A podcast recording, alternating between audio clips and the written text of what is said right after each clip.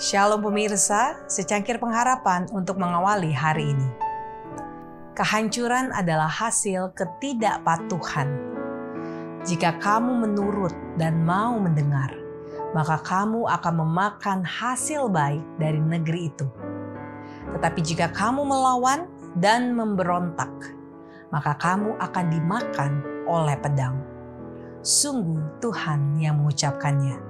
Yesaya 1 ayat 19 dan 20. Kurangnya penghormatan terhadap nasihat dari orang tua yang saleh adalah salah satu dosa yang mencolok dari zaman yang merosot ini.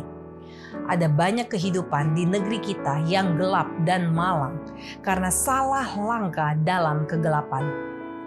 Dengan satu tindakan ketidaktaatan, banyak remaja telah merusak seluruh hidupnya dan membebani hati ibu yang penuh kasih dengan kesedihan. Allah tidak akan menganggap engkau tidak bersalah jika engkau mengikuti kebiasaan ini. Dengan meremehkan nasihat dari seorang ibu yang takut akan Allah, yang dengan rela memberikan nyawanya untuk anak-anaknya, engkau melanggar perintah kelima. Engkau tidak tahu ke mana perjalanan hidupmu membawa engkau. Saya sekali lagi membela tuntutan seorang ibu, cinta seorang ibu.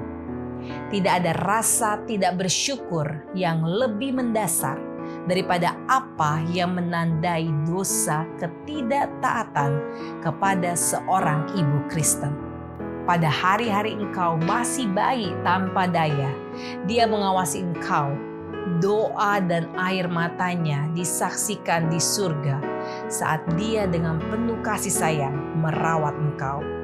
Untuk anak-anaknya dia telah bekerja keras dan merencanakan, berpikir, berdoa, dan melakukan penyangkalan diri.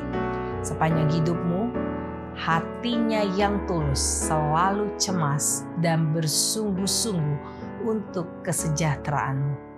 Namun sekarang engkau memilih jalanmu sendiri. Engkau mengikuti keinginanmu sendiri yang buta dan keras kepala. Terlepas dari akibat pahit yang akan engkau tuai. Engkau akan membawa kesedihan kepadanya.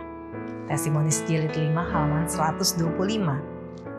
Ketidaktaatan telah menutup pintu bagi sejumlah besar pengetahuan yang mungkin diperoleh dari firman Allah. Seandainya manusia taat, mereka akan memahami rencana pemerintahan Allah. Surga akan membuka ruang rahmat dan kemudian untuk diselidiki. Councils to Teachers halaman 430 dan 441. Demikianlah renungan kita hari ini. Salam mulai harimu dengan secangkir pengharapan.